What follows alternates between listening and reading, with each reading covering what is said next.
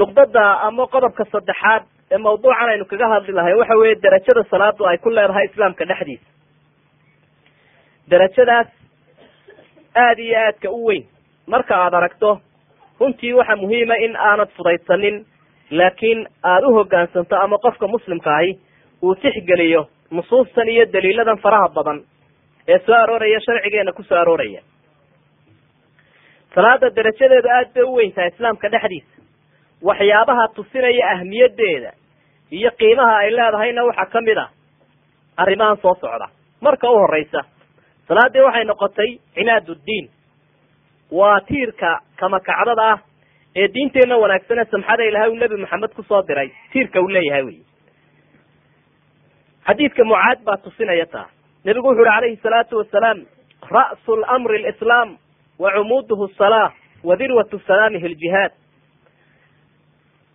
islaamnimada shayga arrimaha qofka laga doonayo ama waajibaadka qofka saaran shayga dhakada u ahay waa islaamnimada. Oo addoonka alla u hoggaansama tiirkiisuna waa salaada.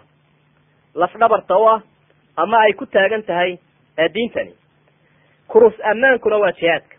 Macnaha shayga dhadhankiisa uu sii macaan yahayna waa jihaadka. Marka xadiidkaasi waxa uu xusayaa tiir aada iyo aada u weyn inay tahay cibaadadani oo islaamnimadu ay leedahay. Qofka tiirkaa fujiyaana islaamnimadii buu hasgambiyaya. Nuqdada labaad ee muhiimada cibaadadan salaada la yidhaahdo sii muujinaya waxaa ka mid ah in ay noqotay qiyaamaha marka uu qofku isa soo taagay ilaahay hortiisa shayga ugu horreeya la xisaabinayo.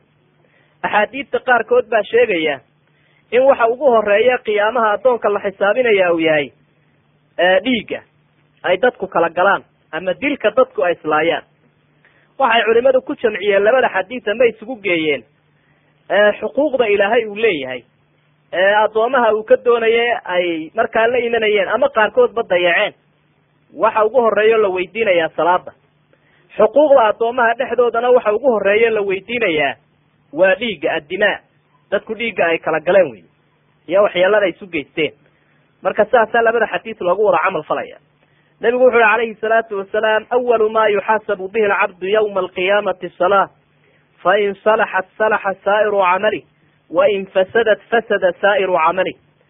Qofka waxa ugu horreeya la weydiinaya maalinka qiyaamaha waxa weeyaan cibaadada la yidhaahdo salaada taasaa su'aasheeda ugu horeynaysa haddii ay cibaadadaasi wanaagsanaato camalkiisii kale oo dhami daba socod buu yahay sekadii iyo xajkii iyo soomkii iyo sadaqadii iyo akhlaaqdii wanaagsanayd waxoo dhami isagay daba iyaday daba socod u yihiin oo way wada hagaagayaan haddii iyadu ay kharibantana camalkii kale oo dhamina waa kharibmaya sidaa darteed baa waxaad arkaysaa muhimadda aada iyo aadka u weyne cibaadadani ay leedahay. Inaanu qofkii odhan karin baad arkaysaa anigu waan soomayaa laakin tukan maayo. Anigu xajkii baan tegayaa sekadiina waan bixinayaa laakin salaadii la iman maayo ma kala hadhayso waa diin wada socota juz-un laa yatajaza gobol in la kala jarjaro ma aqbalayso diinta. Xadiidkaasi riwaayooyin kala duwan ama siyaabo kala duwan buu ku soo arooray. Laakiin intuba isku macnuun bay sheegayaan. Arrinta saddexaada tusinaysa salaadu ahmiyadda iyo qiimaha ay leedahay waxaa kamida nebigu calayhi salaatu wasalaam waxau ihi aakhiru maa yufqadu min addiin. Annaha aakhiru maa yufqad min addiin.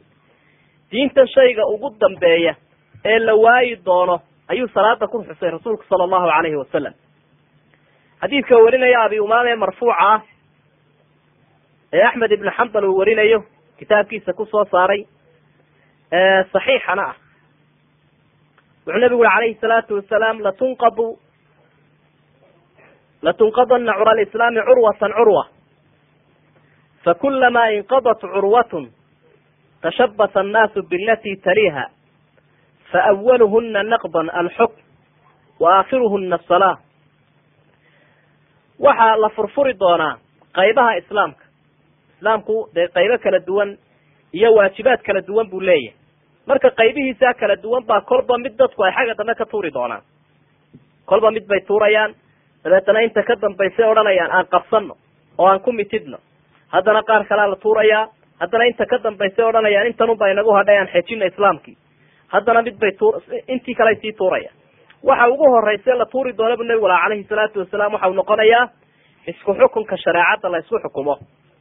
Ee ay noqoto qaanuunkii iyo nidaamkii nolosha oo dhan xukumayay keeda dawladeed iyo keeda qoys iyo ka dhaqaale iyo ka siyaasadeed inta oo dhan ba nidaamkii xukumayey loo qaadan maayo waa laga tegi doonaa waxa ugu dambaynaya qaybaha islaamka uu leeyahay salaada buu nabigu uri calayhi salaatu wasalaam salaada ayaa ugu dambaynaysa. Oo waxyaabaha la sii haysanayo iyada ayaa ugu dambaynaysa. Riwaayo kale waxay ahayd awalu ma yurfacu min annaas alamana wa aakhiru ma yabqa asalaa wa ruba musallin laa khayra fiih. Riwaayada laftigeeduna waxa ay leedahay shawaahid badan waana lagu camal fali karayaa albani laftiisuna waa saxiix buu ka dhigay. Waxa xadiidkaasi uu leeyahy dadka waxa ugu horeynaya ee laga dhex qaadaya waxa weeye cibaadada la yidhaahdo ama waajibka la yidhaahdo alamana amaanaday dadku ku gaboodfalayaan markaasaan cid fulinaysa la helayn ama qof la aaminaba amaanaduna dee waa macno aada iyo aada u ballaadhan amaanadii diinta iyo xaqii ilaahay iyo addoonka ka dhexeeyey xuquuqdii dadka tii caamka ahayd iyo tii khaaska ahayd mas'uuliyadihii qofku uu lahaa buu dayici doonaa aakhiru zamaanka. Waxa ugu dambaynaya hadaya buu nabigu leeyahy calayhi salaatu wasalaam waa salaada. Laakin wuxuu nabigu sheegay wa ruba musallin laa khayra fiihi buli way badan yihiin dad badan oo aan khayr lahayn oo haddana tukanaya. Macnaha waa waajibkan salaadu. Wanaaggii uu soo jiidi lahaa iyo xumaantii u diidi lahaa. Ayaa meesha ka baxday. Oo qofkani wuu tukanayaa un laakin waajibaadkii kalena wuu dayacayaa. Waxyaabihii xumaanta ahaa ee salaadu ay ka reebi lahaydna wuu iska booshaaqaya oo waa la imanaya arrinta afraad ee tusinaysa salaada muhimadeeda iyo inaanay shay la fudaydsan kara ahayn. Oo qof muslim sheeganaya inuu ka tegi kara inaanay ahayn waxaa tilmaamaya waxay ahayd aakhiru wasiyatin awsaa biha nabiyu sala allahu alayhi wasalam ummata. Waa dardaarankii ugu dambeeyey ee nebi maxamed calayhi salaatu wasalaam ummadiisa ula dardaarmay iyada ayuu si gaara u soo qaatay. Xadiidkaa waxay warinaysa umu salama. Allaha ka raali noqdee saxaabiyadda xaasaskii nebiga ka tirsanayd. Waana xadiid saxiixa. Wuxuu nebigu uri calayhi salaatu wasalaam asalaata salaata wamaa malakat aymaanukum war salaada salaada ogaada buu leeyay nebigu. War salaada salaada ilaaliya. Wuu ku celcelinaya. Marka ereyga la eego waxa lagu magac may wuxuu noqonayaa xagga carabiga aliqra. Aliqra wey. Waa qofkii oo lagu dhiirigeliyo shay lagu dhiirigeliyo tanbiihu lmukhaatabi calaa amrin maxmuudin liyafcalha baa la yidhahdaa iqraaga qofkii lala hadlayo o lagu baraarujiyo shay aada u muhiima si ugu dadaalo. Sidaa darteed buu nebigu asalaata salaata ayuu leeyahy waa sida uu qofka waacidka ama khudbadda akriyaya u idhaahdo allaha allaha war ilaahay ilaahay ha laga cabsado markaa waxaa kaluu nebigu raaciyay calayhi salaatu wasalaam iyo waxyaabaha gacmihiinu ay milkisan yihiin. Waxyaabaha gacmihiinu ay milkisan yihiin. Addoomihii iyo xoolihii noolaa inaan iyagana lagu gaboodfalin waxaa shanaad oo tilma tilmaamaya cibaadadan salaada la yidhaahdo muhimadeeda iyo qiimaheeda iyo inaan la fudaysan karin. Alla waa ammaanay. Cidda cibaadadan la imanaysa. Ehelkiisa iyo ubadkiisa iyo ummadiisana ku waaninaya. Fi suurati maryam aayadda afar iyo konton ilaa shan iyo konton ayaa ilaahay waxau ihi wadkur fi lkitaabi ismaaciil inahu kana saadiqa alwacdi wa kana rasuula nabiya wa kana yaamuru ahlahu bisalaati wazaka wa kana cinda rabbihi mardiya. Kitaabka qur'aanka waxaad ku soo qaadaa ammaantii iyo wanaaggii uu lahaa nebiga la yidhahdo nebi ismaaciil. Ballanta ayuu si wanaagsan u oofin jiray. Rasuul buu ahaa ilaahay uu soo diray. Ehelkiisa waxa uu fari jiray salaada iyo sekada ilaahay agtiisana mid rabbi uu ka raali yahay wey nebigaa ammaantii uu ilaahay ammaanayey waxa uu ku daray cibaadada salaada la yidhaahdo inuu ilaalin jiray uu la iman jiray ehelkiisana fari jiray. Idan markaa ammaantaa wax inooga baahi badani ma jiro. Ammaantaa ilaahay oo addoonka ammaanayo cibaadadan ku ammaanayo muhimadeeda iyo qiimaheeda waxaa tusinayo lixaad. Ilaahay waxa uu eedeeyey aafe inay leeyihiinna uu inoogu sheegay qur'aanka dhexdiisa. Kuwa cibaadadan dayacay isla markaana ka dhacay ee ka caajisay.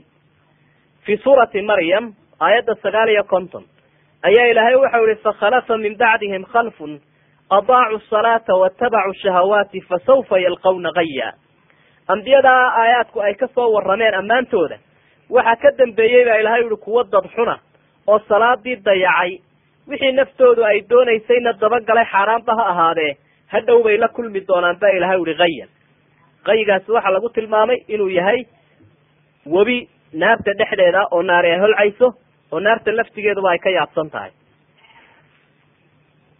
Waxaa kaloo ilaahay uu ku yihi aayadda boqol iyo labiyo afartane suurat nisa ina almunaafiqiina yukhaadicuuna allaha wahuwa khaadicuhum. Waida qaamuu ila asalaati qaamuu kusaala yuraa'uuna annaas walaa yadkuruuna allaha ila qaliila. Munaafiqiintu buu ilahay munaafiqiintu ilaahay bay khiyaamaynayaan. Marka ay salaada u kacaanna waxay istaagayaan iyagoo caajisiin ahoo dadka istusaya oo ujeedo leh oo aan alle iska dhisayna isla ummadda iska dhisa.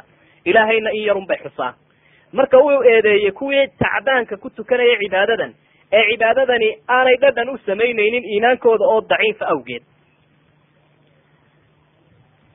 Cibaadadan muhimadeeda iyo qiimaheeda waxa muujinaya toddobaad. Waxa weeye acdamu arkaani alislaami wa dacaa'imu alcidaam bacda shahaadatayn sidaad arkaysa xadiidkii horeynu soo akrinay waxa uu tilmaamay arkaanta islaamka talabaad inay tahay oo tawxiidkoo quri uu ka horeeyo xadiidkaana horeynu u soo akrinay cabdillahi bni cumar uu sheegayey in tiirarka islaamku ay shan yihiin tawxiidku ugu horreysiiyey nebigu calayhi salaatu wasalaam waxa uu ku xigsiiyey cibaadada salaada ah.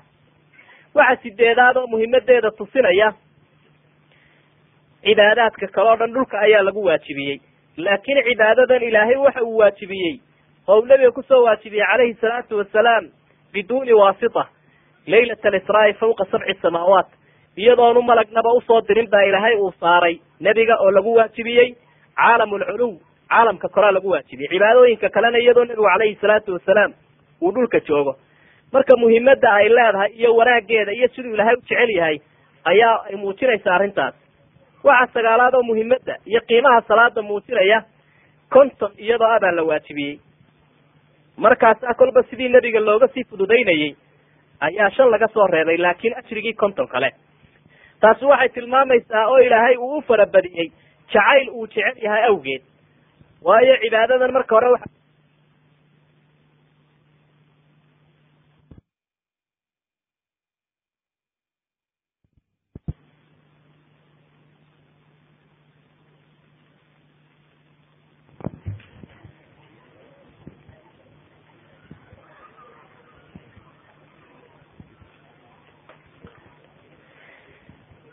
wa waxa sagaalaad oo kamida qiimaheeda sala ee cibaadadan ilahay iyadoo kontona buu waajibiyey. Wa hada yadullu calaa maxabati illahi tacaala.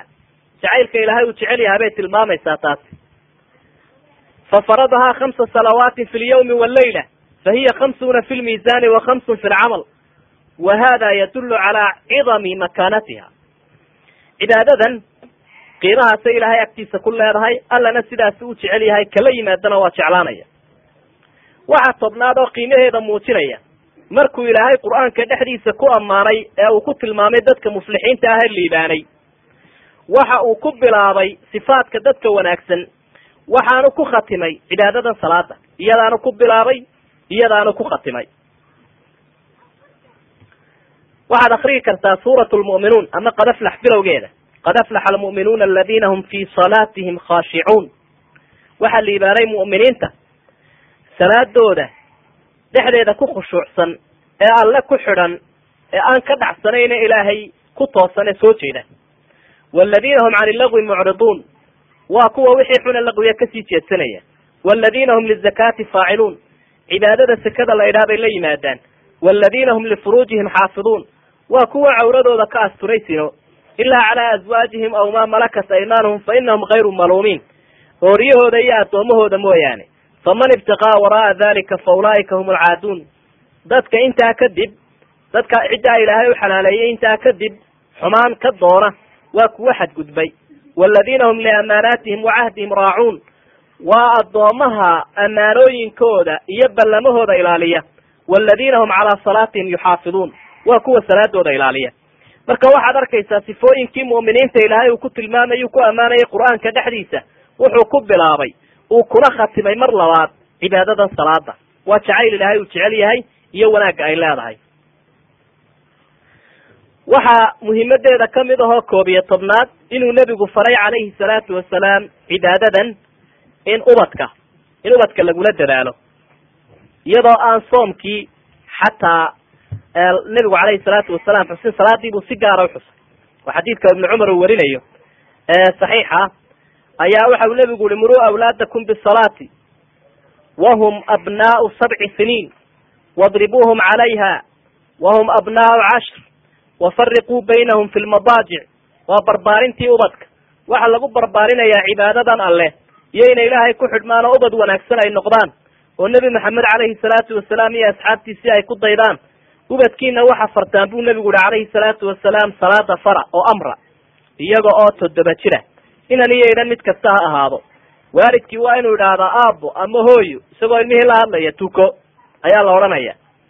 Marka ilmihii uu gaadho toban jir waxa waa lagu edbinaya oo cibaadadan hadduu ka tago muhimadeeda iyadoo loo muujinayo iyo inaanay sahlanayn iyo hadhow markuu shan iyo toban gaadho si aanu uga tegin waa lagu edbinaya.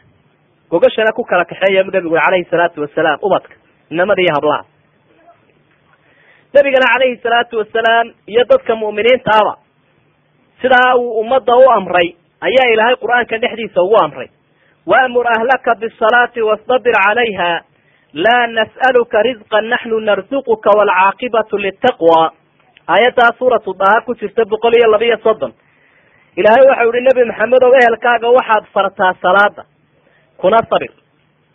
Salaada ku sabir waa cibaado dadaal badan u baahan soo jeed bay baahan tahay ilaalin bay u baahan tahay salaada ku sabir ehelkana far marka rasuulka un ku gooni maaha calayhi salaatu wasalaam aayaddu laakiin rag iyo dumarba ummadda waa saaran yahay amarkani. Arsaaqad ku weydiin maayo baa ilahay uhi laakiin arsaaqadaada iyo ta ubadkaaga iyo ta ehelka aniga ayaa intaba haya oo ku siinaya naxnu narzuquk. Marka arsaaqada iyo salaada waxa ilahay isugu xidhiidhinayaa bay leeyihiin culamada tafsiirku in badan oo dadka kamidaba adduunyada ku mashquula iyo intay arsaaqadu ordayaan ayay cibaadada ka mashquulaan. Marka alla waxa uu halkan ku xusayaa qofka wixii loo qoray calafkiisa ah kolleyba inuu qaadi doono ase aanu dayicin ilaahay xaqiisa. Waxaa labiyo tobnaad oo salaada muhimadeeda muujinaya qofkii hurday iyo kii ilaaway labadaba waxa la faray inay salaada soo qalleeyaan. Kan hurdayna markuu soo tooso kan kale ilaaweyna marka uu xusuusto taasina waxa ay tusinaysaa u cibaadadani inaanay ahayn. Cibaado la fudaysan karayo. Anas ibnu malik xadiidka uu warinayo. Ee uu nebiga ka warinaya calayhi salaatu wasalaam ee bukhaari iyo muslim ku sugan ayaa wuxuu nebigu xadiidkaa ku yidhi man nasiya salaatan falyusaliha ida dakaraha laa kafaarata laha ila dalik qofka salaada ilaawa ha tukada marka uu xusuusto kafaaro kale ma laha aan arrinta ahayn riwaayo kale waxa adoo muslim uu warinayo man nasiya salaatan aw naama canha fa kafaaratuha an yusaliha ida dakaraha. Qofka salaada ka seexda ama ilaawa marka uu xusuusto ama uu soo tooso wey ha tukado. Waxaa lamida bay leeyihiin culimadu qofkii isaguna miyir doorsoomay ama suuxdinta lahaa. Saddex cisho iyo wixii ka yar haddii uu ku soo miyirsado wuu qalaynayaa cibaadadan. Laakiin saddex cisho wixii ka sii badan haddii uu qofkani suuxsanaado cibaadadaa laguma laha oo ma soo qalaynayo sababtuna waxa weeyaan inuu dee xaggii waalida ayay raacday. Khasaa'ista salaada waxyaabaha salaada u goonida ah. Ayaynu imikana halkan ku xusi doonaa haddii aynu soo qaadanay dhowr iyo toban arrimood oo qiimaha salaada tilmaamaya. Marka u horeysa salaadii ilaahay waxaabuu ku magacaabay qur'aanka dhexdiisa iimaan. Iimaan ayaa lagu tilmaamay salaadii. Taasina waxay muujinaysaa iimaan inaanu jiraynin la'aanteed. Wamaa kaana allahu liyudiica iimaanakum ina allaha binnaasi la ra'uufu raxiim. Ilaahay ma luminayo salaadiina ilaahay dadka aad buu ugu naxariisanaya. Marka cibaadaday guteen wuu u biirinayaa aayaddu waxay ku soo degtay bay idhahdaan culimadu markii la isweydiiyey salaadii loo tukanayay baytulmuqadas intii aan laga soo jeedinin dadka muslimiinta ah kalow ma ansaxday mise may ansixin ilaahay baa ka jawaabay inay ansaxday cibaadadaas si gaara ayaa qur'aanka kariimka ahi uu u xusaa salaada in badan wa aqim isalaa wa awxaynaa ilayhim ficla alkhayraati wa iqaama asalaa cibaadada salaada qur'aanka dhexdiisa markaad eegto cibaadooyin kala duwan ayaa marar badan lala xidhiidhiyaa. Mar walba iyadu waa ta soo noqnoqonaysa markastoo cibaadooyinka mid kamida la sheegayo iyo akhlaaqda wanaagsan. Wa aqimu salaata wa aatu zakata warkacuu maca araakiciin salaadii waxay la sheegan tahay waktigaa sekada. Aayaddaa suurat lbaqara ee saddex iyo afartan. Salaada ooga sekada bixiya kuwa rukuucaya la rukuuca. Fasalli lirabbika wanxar waa suuraddaa gaabanay naactayn ilaahay wuxuu yihi ilaahay u tuko oo gawrac ama odxiyadii gawrac ama hadyigii kacbada lagu gawracayay markana gawricii baa la raaciyey qul ina salaatii wa nusuki wa maxyaaya wa mamaati